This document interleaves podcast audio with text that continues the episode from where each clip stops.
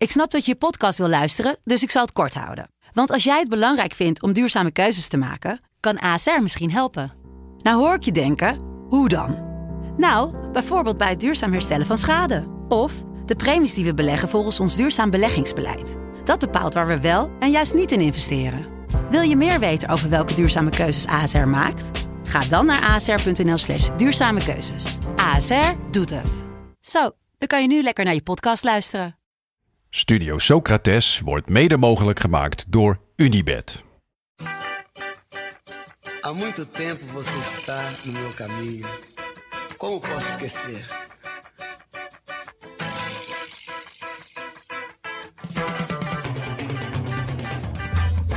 Welkom bij Studio Socrates, een podcast over alles wat voetbal mooi maakt. En ja, het WK in Qatar is lelijk, maar toch hoor je onze komende weken elke dag. Want we laten het voetbal niet van ons afpakken.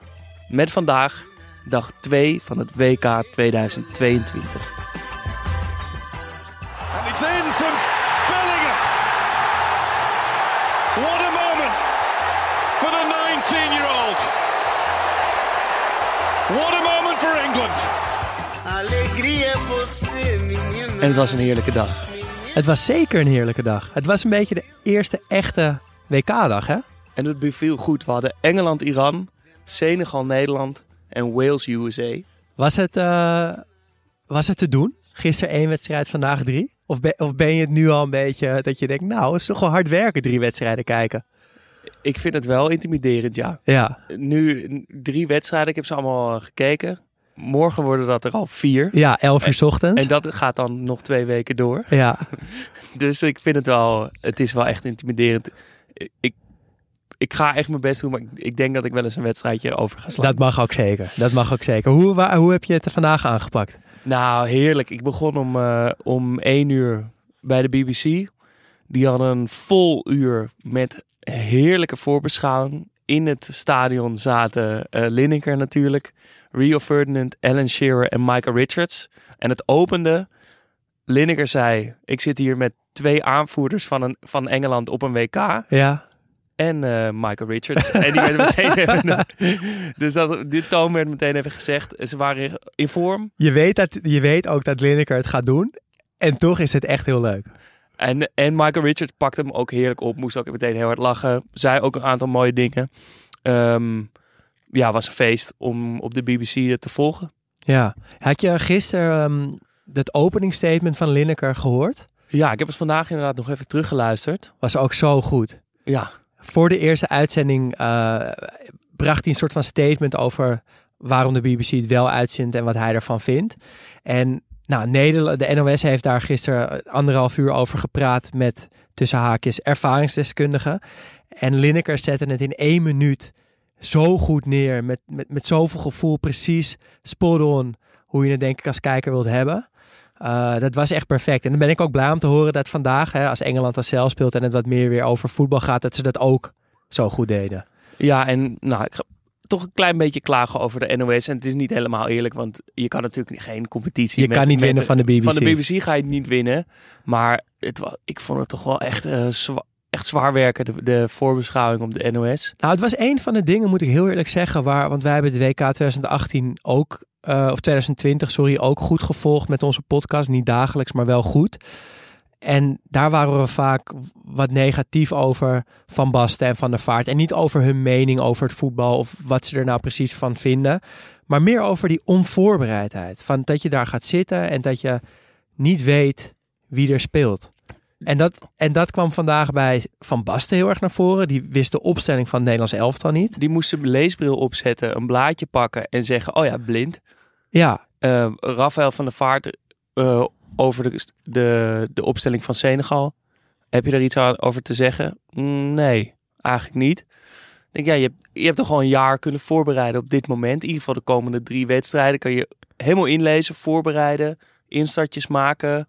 Ons helpen naar die wedstrijd te kijken. Want hoe meer wij weten, hoe, meer, hoe, hoe leuker het wordt.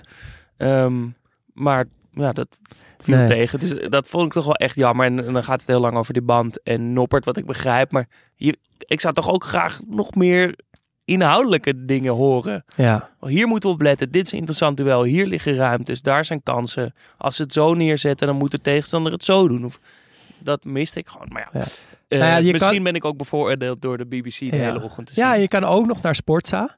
Eh, daar had onze vriend eh, Aster Enzemia, die deed het commentaar bij, bij USA Wales. En, en Ehm, zij mana. En We zijn ook ja. op onze vingers getikt. Oké, ja, nou, dus in ieder geval de leukste commentator van de lage landen.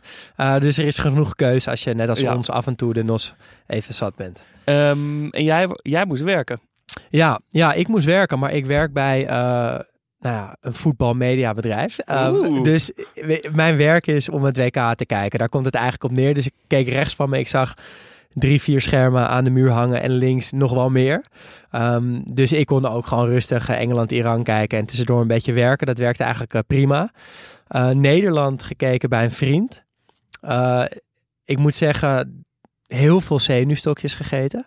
Zenuwstokjes? Ja, dat zijn die, die eh, dunne eh zoute stengels. Eh, Prepsels heten ze geloof ik. En oh ja, gewoon als het spannend wordt, en dat was het bij Nederland wel een beetje, dan, dan, dan knaag ik die gewoon op. Alsof, ze, ja, alsof ik ze nodig heb. Alsof het, alsof het een drugs is of zo. Ik weet precies wat je bedoelt. Normaal zou je gewoon in twee, drie happen hem opeten. En als het zenuwachtig wordt, ga je als een soort konijn dat Ja, nou ja, voortaan naar achter kleine stukjes bijten. zo heb ik Senegal en Nederland doorgebracht. En USA Wales hebben we net samen hier bij Dag en Nacht gekeken. Ja. Lekker potje, gaan we het zo eh, langer over hebben. Eh, maar eerst ons vaste item dit toernooi. Eh, de Panini plaatjes. Dat is de laatste keer dat Panini de plaatjes maakt. Eh, een icoon uit het voetbal, kunnen we toch wel zeggen.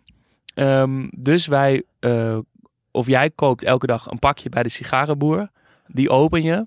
En dan halen we elke dag, mag er iemand uit, uit de, uit de, de spelers die Ja. we hebben. En eh, een nieuwe er weer in. Ja, en we zijn gisteren begonnen met ons eerste padje. Daarin zaten Frenkie de Jong, Toby Alderwereld, Hernan Galindes, Yuto Nagatomo. En eh, de, ja, de glimmende sticker van het eh, logo van de voetbalbond van Cameroen. En aan jou de ondankbare taak om daar iemand uit te halen. Ja, dus ik mag elke dag een, een sticker eruit halen. En jij kiest een nieuwe of, om in onze opstelling te Ja. zetten. Maar ik wil eerst horen wie eruit gaat. Ik ga voor de, voor de glimmende stickerplaat van Cameroen. Oh? Nou, want we hebben nu vier spelers en één glimmend plaatje. Eh, ik hoop toch op, op individuele spelers. Doet mij een beetje pijn. Ik, ik heb, Het is een eh, mooi plaatje, maar ja. ik, ik wil meer voor de voor nou, de, en ik heb, ik heb een gaan. vriend die... eh, ja, zijn, zijn roots liggen in Cameroen. En die appte mij vandaag dat hij zo blij was met die sticker. Maar die wordt er dus vandaag meteen Maar uitgehaald. hij gaat wel zijn kant op dan. Hij gaat zijn kant op. Ehm, Oh, het- niks tegen het Cameroense Nee, nee, nee. deze elftal, maar, maar meer dat ik dacht van ah, het is een beetje een vreemde. Hij valt een beetje uit de toon Ja. in onze opstelling. ik, ik ben het er niet mee eens, maar ik snap het. En ik heb er verder niks over te zeggen. Hebt er niks over te Ehm, zeggen. het nieuwe pakje, daar zit in ehm, de onderkant van het logo van het WK voetbal in Qatar. Ehm, de glimmende sticker van de voetbalbond van Senegal. Pedro Miguel, eh, speler van Qatar. En twee Iranese spelers, Majid Hosseini en Alireza Jahanbaks. Dat is leuk, die hebben we vandaag in actie gezien. Ja, en ehm, ook al was dat voetbal niet zo goed. Ik denk wel dat zij de dapperste selectie hebben van het hele WK. En alleen al daarom wil ik graag eh, iemand toevoegen aan ons Panini vijftal. En dat wordt Alireza Jahanbaks. Ik denk eh, dat die zijn plek in ons elftal verdiend heeft.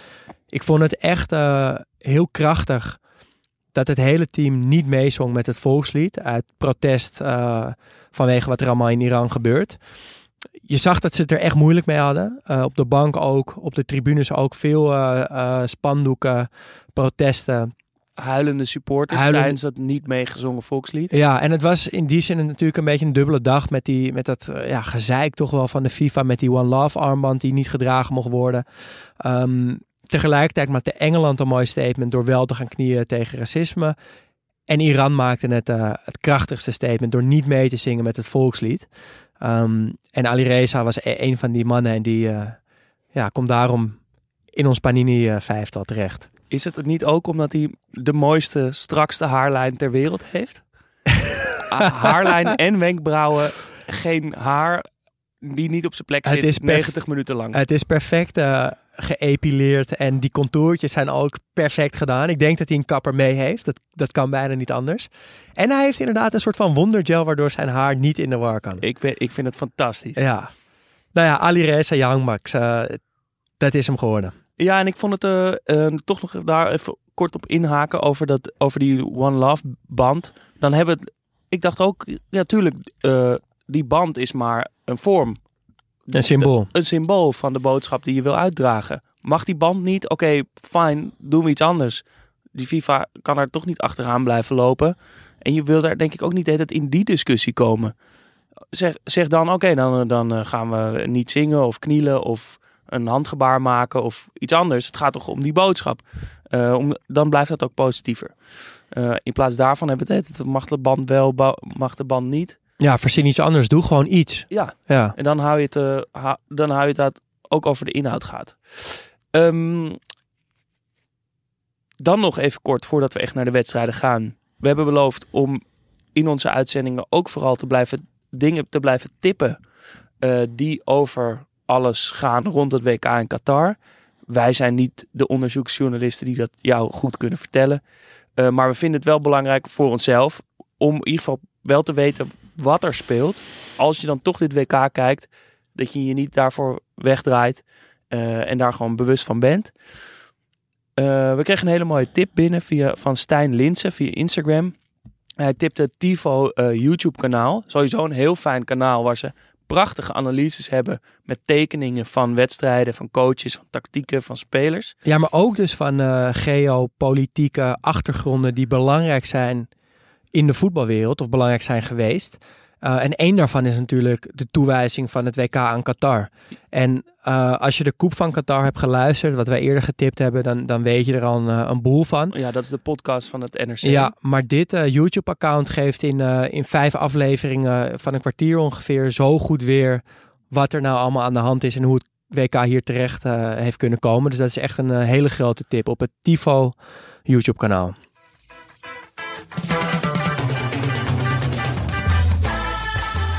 De wedstrijden. Ehm, ja, laten we beginnen met eh, bij het begin. Engeland-Iran 6-2. Ja, ja dat, was, ik, dat was echt ontzettend leuk, toch? Engeland wat heel fris en aanvallend speelde. En Southgate heeft ja, naar jou geluisterd. Ik denk ook, ik bedoel, natuurlijk, er is veel kritiek vanuit Engeland, de Engelse pers, de tabloids, al die fans. Maar ik denk toch dat het komt doordat wij dat vorige EK ook in, het, eh, in onze podcast eh, uitgebreid benoemd hebben. Dat het zo zonde is dat hij met die geweldige groep spelers zo behouden speelt. En daar heeft hij naar geluisterd. Ja, want hij is van een verdedigende 5-3-2 geswitcht naar eigenlijk een best wel aanvallende 4-3-3 met Bellingham eh, en Sek- Saka die basisplaatsen gekregen hebben. Het is nu al, heeft het mij meer kunnen bekoren dan eigenlijk het hele Engeland van het vorige EK, terwijl ze daar in de finale kwamen. Ik was toen wel echt gecharmeerd ook nog wel van soort. Was misschien niet het aantrekkelijkste, maar ik, vond, ik heb er toch toen van genoten van het elftal. Ja, nee, ik, ik, het ging voor mij wel, eh, wel echt net wat te ver. En dat hij dat nu dan heeft omgegooid en dat het meteen een resultaat eh, eh, ja, krijgt, dat, dat is gewoon schitterend. En dan ook nog de twee jongens die hij het vertrouwen geeft, die echt uitblinken. Ehm, Bellingham was echt ongekend. De middenvelder die alles kan. Aanvallen, verdedigen, eh, ja, de opbouw verzorgen, eh, doelpunten maken, assist geven. Hij is zo compleet. En hij is zo rustig, zo volwassen. En pas 19. Pas 19 jaar, speelt de bal ook zelden terug als het niet hoeft. En er gaan hier en daar wat, wat geruchten dat hij eh, volgend jaar gaat vertrekken bij Dortmund. Kan bijna niet anders, want hij is ook dit hele jaar in de Champions League, bijvoorbeeld tegen Manchester City, telkens ongeveer de beste van het veld. Maar er gaan dus geruchten dat hij naar Real Madrid gaat. En dan wordt dat dus een middenveld met Chouameni van Frankrijk, Camavinga van Frankrijk en Bellingham.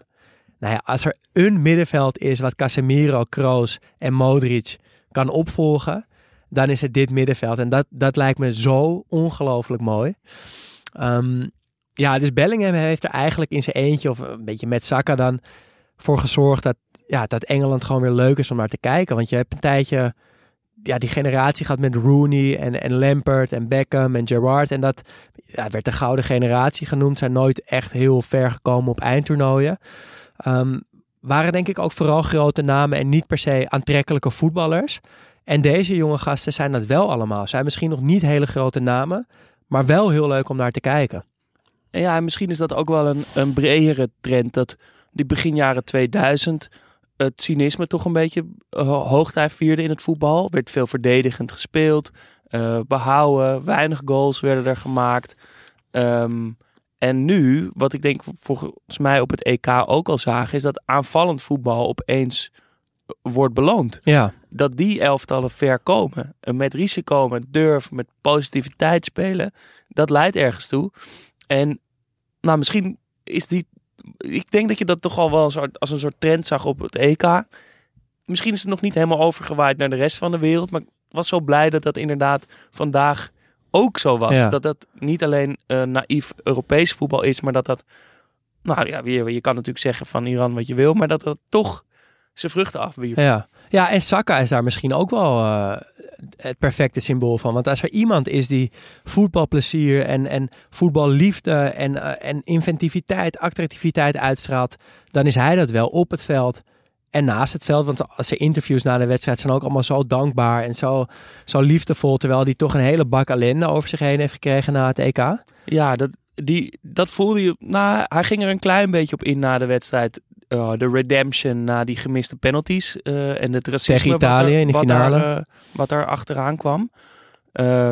Je zou toch denken dat dit, nou, die drie penalty missers. Dat die nu alle drie scoren is toch een mooi redemption verhaal. Hij liet het een beetje in het midden, maar is wel een symbool ervan. En hij, zijn hele gezicht is straalt af en toe en is zo vrolijk. Ik dacht, hij ziet er ook een beetje gewoon uit zoals hij voetbalt. Positief, ja. vrolijk, aanvallend. Uh, blijf maar gaan, enthousiast, uh, energiek. En dat straalt hij gewoon ook in zijn hele gezicht uit. Ja, en tegelijkertijd zoveel uh, rust als hij aan het voetballen is. Want het lijkt allemaal bij hem zo, zo, zo mooi langzaam en traag te gaan. Maar uiteindelijk gaat het natuurlijk gewoon razendsnel wat hij doet. En dat, bij die ene goal kwam dat het mooiste tot uiting. Dat hij naar binnen dribbelde en drie keer zo inhield. En hem zo heel rustig uh, tussen twee spelers door in die lange hoek legde. En dan ziet het er zo simpel uit. Zo mooi. En ja, jij appte mij dat je ook nog genoot, stiekem, of niet stiekem, van Harry Maguire. Ja. Ja, ik zat helemaal in die redemption. Ik... Uh hij heeft natuurlijk een ongelofelijke bak uh, kritiek over zich heen gekregen. De afgelopen jaren misschien wel. Liet het op vorige EK ook zien in het shirt van Engeland. Speelde goed. Een goed toernooi. Werd ook uitgeroepen tot in het team van het toernooi. Um, en ik zag hem daar opeens dat vertrouwen van Southgate terugbetalen op het veld. En dat was mooi. En uh, hij deed het ja, Kom op de lat en assist. Lat en assist. Verdedigend zie je af en toe nog wel dat hij een beetje rare, onhandige dingen doet. Maar ik werd opeens helemaal, kreeg opeens heel veel sympathie voor hem. Ja, ja en het mooie is van zo'n prestatie van een land is dat uh, je wint drie punten. Hè, maar dat had Engeland het op het EK ook steeds. Alleen nu voel je gewoon gelijk dat het hele land achter Engeland staat. Uh, Gary Lineker tweette alweer natuurlijk een beetje sarcastisch van It's coming home. Met, met een paar letters nog niet ingevuld. Denk je dat hij hem in zijn onderbroek gaat uh, presenteren als ze winnen? Nou, misschien wel naakt. ja, toch? Als, volgens mij betekent dat nog meer voor hem dan dat Leicester kampioen wordt. Ik denk dat hij daar misschien in een stringetje of zo. um, het enige jammere van de wedstrijd is dat we de inworpen van Bayravant, de keeper van Iran, niet hebben gezien. Dat was echt balen, ja. Daar zat ik helemaal klaar voor. Elke keer als die bal in handen had, dacht ik, nou komt hij. Nu gaat hij 20 meter over de middenlijn heen gooien. Ja, nou, raakte geblesseerd, helaas. Um, daar zei Shearer over dat hij het een goed idee vond om bij zo'n mogelijke hersenschudding een temporary substitution, substitu nou, wissel in te voeren. Um, dus je haalt die speler eruit, komt meteen een wisselspeler in. Dan kan die even onderzocht worden, is rustig de tijd, hoeft hij niet niks te forceren. En dan kan je nog rustig die keus maken. In plaats van dat zo'n speler nog in adrenaline ja. zegt, ik ga door. En dan dus door zijn knieën zakt. Ja, ik vind het een mooi idee. Het is misschien een beetje lullig voor de spelers die er dan in moeten. Want dan heb je af en toe een invalbeurt van anderhalve minuut. Maar je moet het in die anderhalve minuut laten zien. ja, precies. um, maar heerlijke wedstrijd en met vol positiviteit en uh, uh, met mooi voetbal. En Engeland toch wel een, uh, een kanshebber misschien wel? Als ze zo doorgaan, zeker. En dan door naar Senegal-Nederland. 0-2. We hebben gewonnen. Dat was natuurlijk de grote wedstrijd van vandaag. Ja, Ja, het was, het was eh, eh, misschien een beetje saai, misschien niet zo heel goed, maar wel gewonnen. En er waren toch ook wel genoeg mooie verhalen te vinden. Ehm, beginnen denk ik met, ja, dat was een beetje, je vindt het heel vervelend of je vindt het wel mooi, die trommelmuziek op de tribunes. Ja, ik genoot er eigenlijk wel van. Ja, ik- zeker in, in, in vergelijking met die wedstrijd van eh, Engeland tegen Iran. Wat een Ja. soort, in een soort half lege galmbak gespeeld werd met meer dak dan stoelen. Eh, Die verhouding was echt helemaal eh, verkeerd. Maar nu was er in ieder geval sfeer. Er gebeurde in ieder geval wat. En dat hele vak van Senegal, wat 90 minuten lang datzelfde pasje doet van links naar rechts. En met die geverfde Lichamen. lichamen. Die waren ook op de Afrika Cup. Elke wedstrijd van Senegal erbij. En ook daar elke wedstrijd 90 minuten lang van links naar rechts. Eh, die waren er gewoon en die deden hun werk. En dat vond ik ook dat dat wel hielp. Ja, ja, het was misschien een beetje intimiderend voor Noppert. Want eh, ze, ze stonden de eerste helft eh, achter hem. Ehm, maar verder, uh, nou, leek er trouwens helemaal geen last van te hebben. Maar verder was het, ik vond het hartstikke mooi. Het deed me trouw- ja, ik, ik kwam bijna een soort van, door, door dat eh, ja, tromgeroffel en hetzelfde ritme, kwam ik in een soort van hypnose bijna. Het- Ik had bijna het gevoel dat ik ayahuasca moest gaan nemen of zo. Ehm, en eh, ja, hij danste dan niet mee. Maar we hebben ook El Hadji Diouf op de tribune gezien. Ja, daar was ik blij mee. Hij had, hij zat, hij had niet meer dat korte blonde haar. De oude spits van, eh, van Senegal. Maar hij zat er wel met een petje op. Deed me goed. Ja, en ik vond, kijk, Senegal, we kennen Senegal natuurlijk allemaal op WK's tenminste vanwege het WK 2002. Kwartfinale, heerlijke selectie. Deze selectie heeft misschien iets minder soort van cult in zich. Eh, maar ik vond echt dat ze het goed deden. Ze waren eh, ja, gelijkwaardig eh, aan Nederland. En ik was een beetje bang voor heel negatief voetbal bij Senegal. Maar dat viel me echt alleszins mee. Leuke jonge spelers. eh zetten Nederland eigenlijk best wel vast hier en daar. Uh, leuke trainer ook. Ja, goed, uh, best Ja, wel goed elftal. Je zou verwachten dat ze een beetje imploderen. Misschien als Mané er niet bij is, dat ze dan stuurloos raken. En, niet, en dus inderdaad gewoon de bus parkeren. Ik denk dat de Nederland dat misschien ook wel een beetje verwachten. Ja. Maar niks daarvan. Nee. Gewoon voetballen. Nee. En bij Nederland, uh, ja, Noppert toch wel het grote verhaal. Wat, het is toch fantastisch dat het, ja. dat het op het WK dat soort verhalen samenkomen. Ja, want ik, ik zat te denken, je hebt aan de ene kant heb je uh, Noppert, de 28-jarige Fries die bij Herenveen keept. En aan de andere kant staat Mandy, die inmiddels bij Chelsea keept.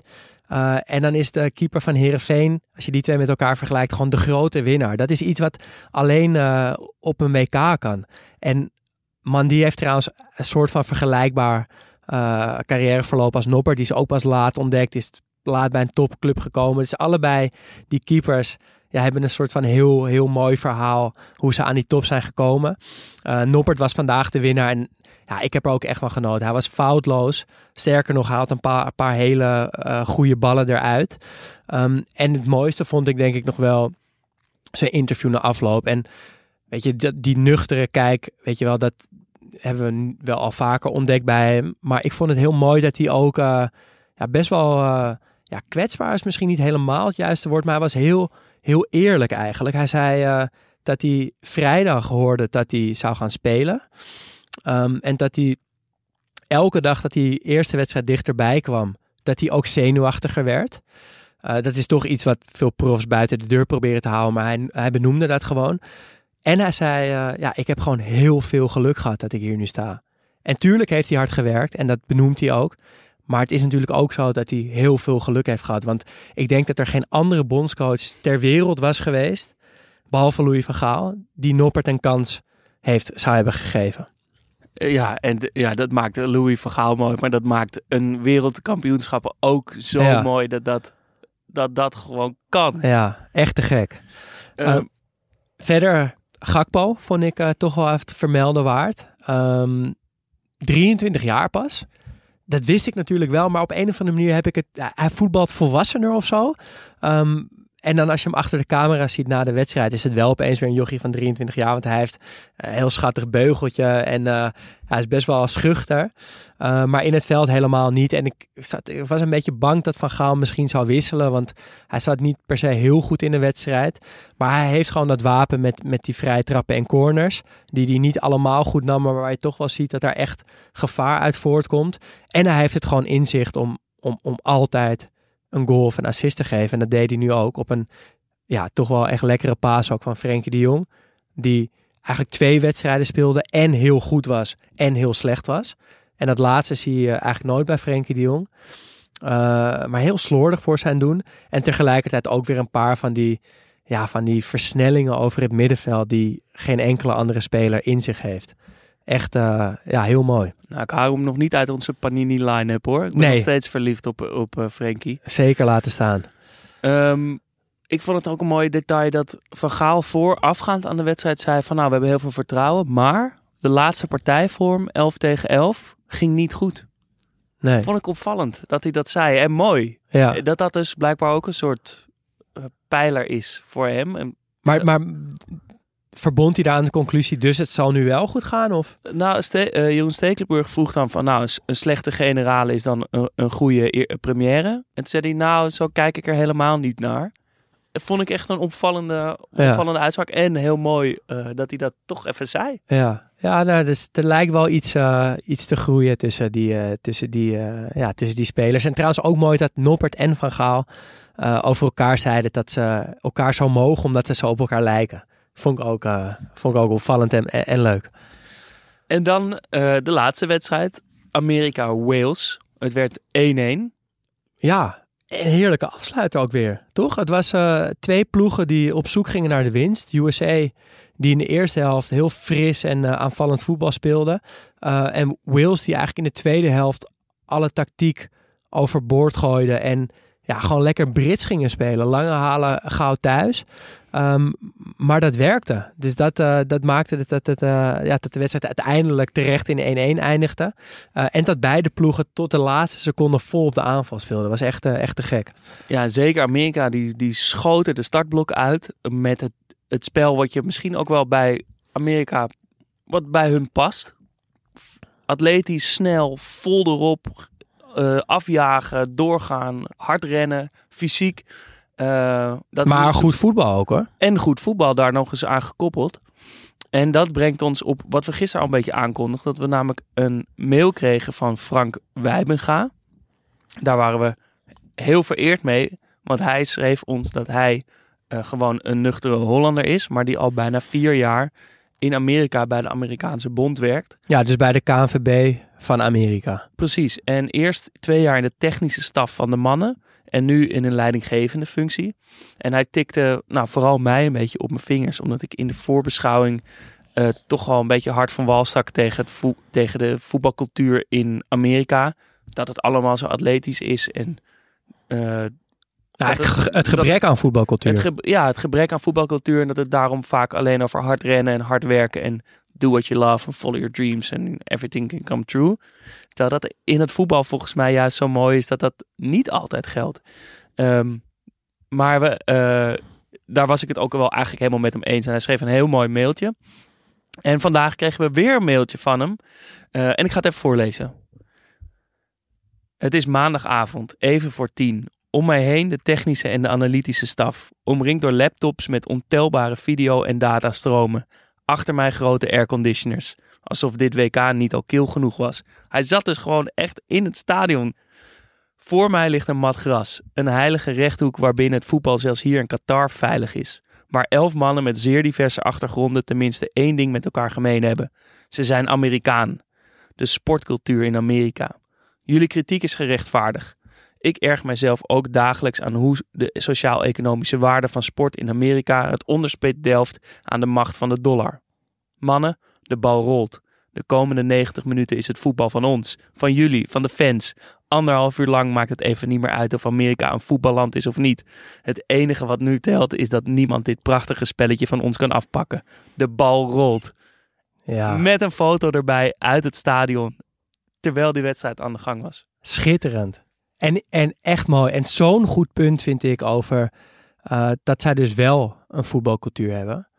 Eh, alleen dat die, dat die misschien soort van meer leeft onder de subculturen van Amerika en dat dat samengebracht wordt in dat nationale elftal, dat dat eigenlijk iets heel moois is en iets van grote sociaal-economische waarde ook is.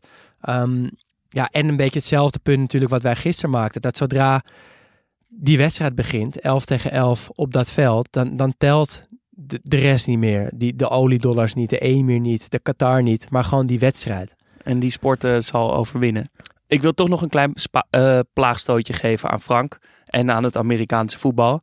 Als ik namelijk aan het Amerikaanse voetbal denk, denk ik aan een fragment wat ooit online kwam achter de schermen bij Juventus. Waar Weston McKennie, die vandaag ook in actie kwam, de Amerikaan, eh, aan het lunchen is met Chiellini en Bonucci tegenover hem. En ze hebben het over het eten. En ik vond dat een symbool voor, voor hoe Amerikanen ook met voetbal omgaan. Do you like pasta? In Italy we eat very well. If I don't eat well, it's impossible to play. to throw a little bit like like a cookie or like a brownie or a burger or something in there like this, you know, then I'm like, okay. Pizza? Pizza, yeah. I love yeah. Do you know what ranch dressing is? Ranch? No, I never It's a white sauce. So it's normally for salad. If you put the sauce on the pizza, What is he doing? I'm scared about American dressing. Dus ze eten een, een, een heerlijke pasta gemaakt door de privéchef van Juventus.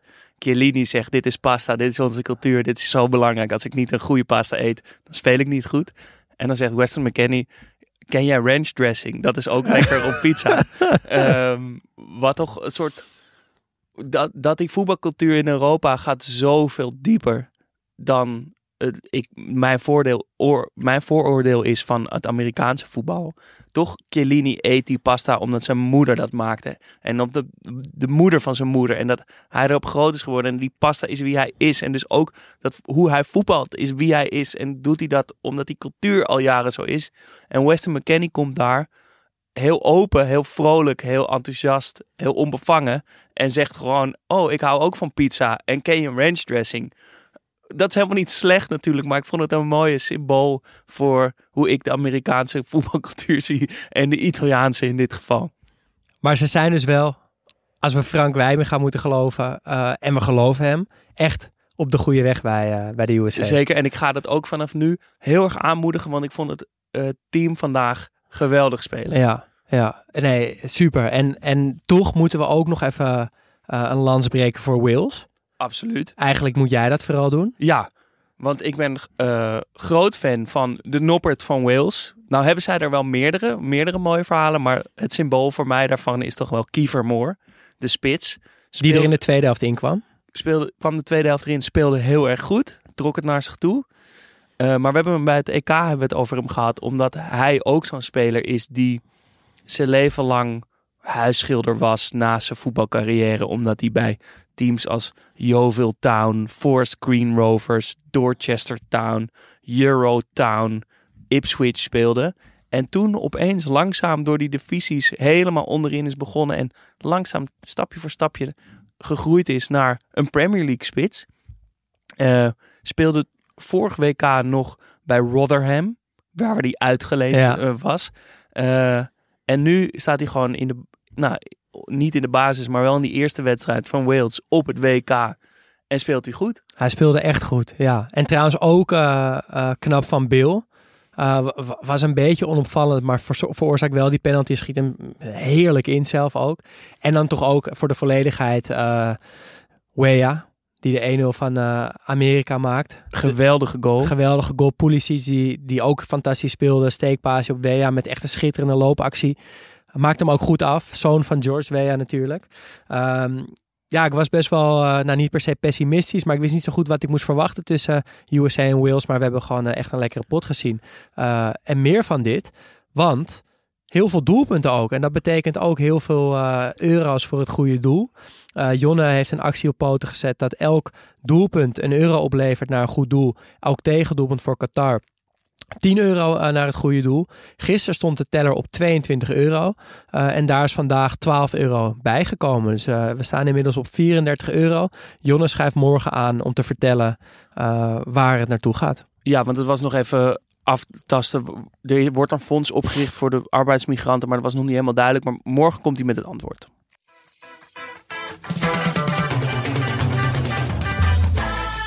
En morgen staat er ook weer van alles op het spel.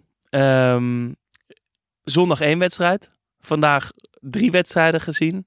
En morgen, dus waarschijnlijk luisteren jullie dat nu, vandaag vier wedstrijden. Om 11 uur Argentinië, Saoedi-Arabië. Ja, Messi. En uh, wat me opviel trouwens, hij, dat, dat is eigenlijk raar dat dat opvalt, maar hij gaf een persconferentie. En dat, als je hem daar zo ziet zitten, dan denk je, je klopt iets niet.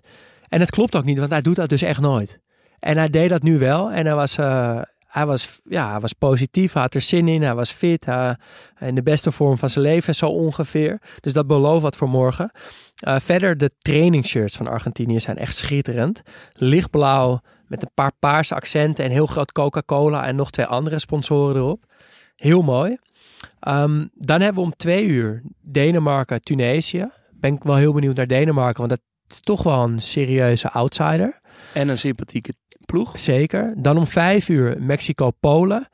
Uh, nou, typisch WK-potje gaan we ook gewoon lekker voor zitten. En om acht uur Frankrijk-Australië. En dat is belangrijk voor jullie luisteraars. Want iedereen die ons volgt voordat de aftrap van Frankrijk-Australië is, die maakt nog steeds kans op dat Zidane-shirt. Uh, voor meer informatie daarover kijk op Twitter. Ja, want je, je, we hebben sinds kort een Twitter-account. Dus volg ons op Twitter.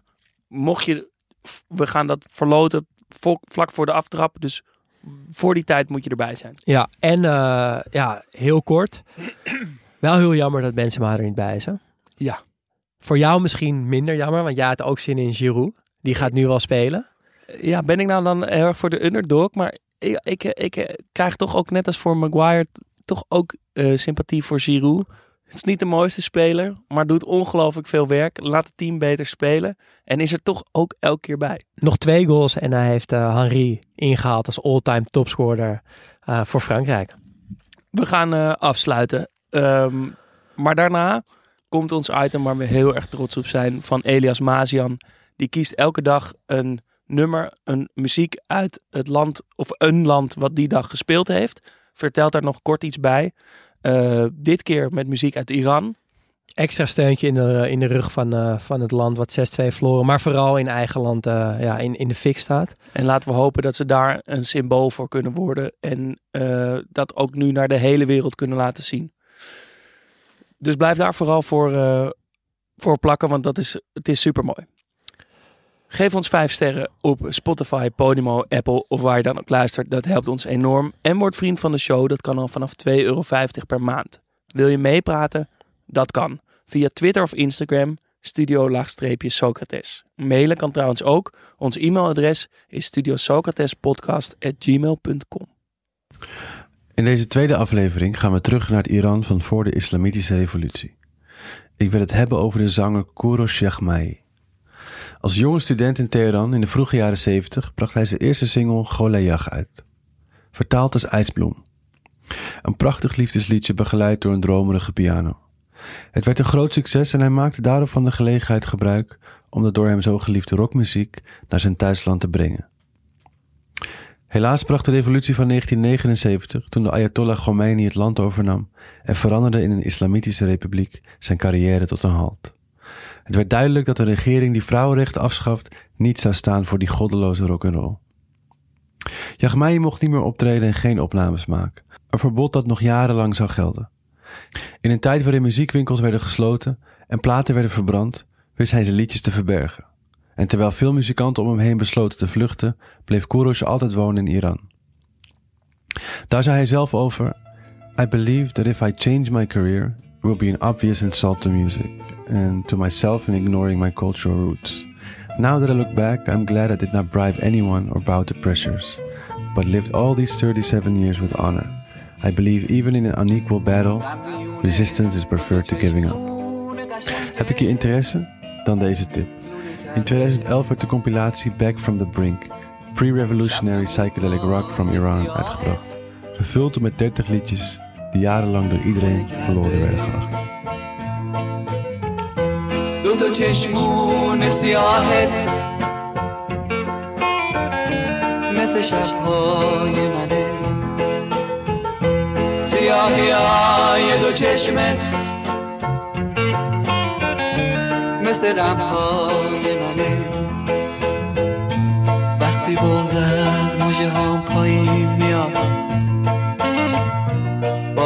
میشه. سیل غم آدیمو ویرونه کرده. وقتی با من میمونی تنهاییمو باد می‌بره. دو تا چشم بارونه شبونه کرده. بهار از دستای من پر زد و رفت. گل یخ توی دلم جوونه کرده. تو اتاقم دارم از تنهای آتیش می‌گیرم. عشق زمان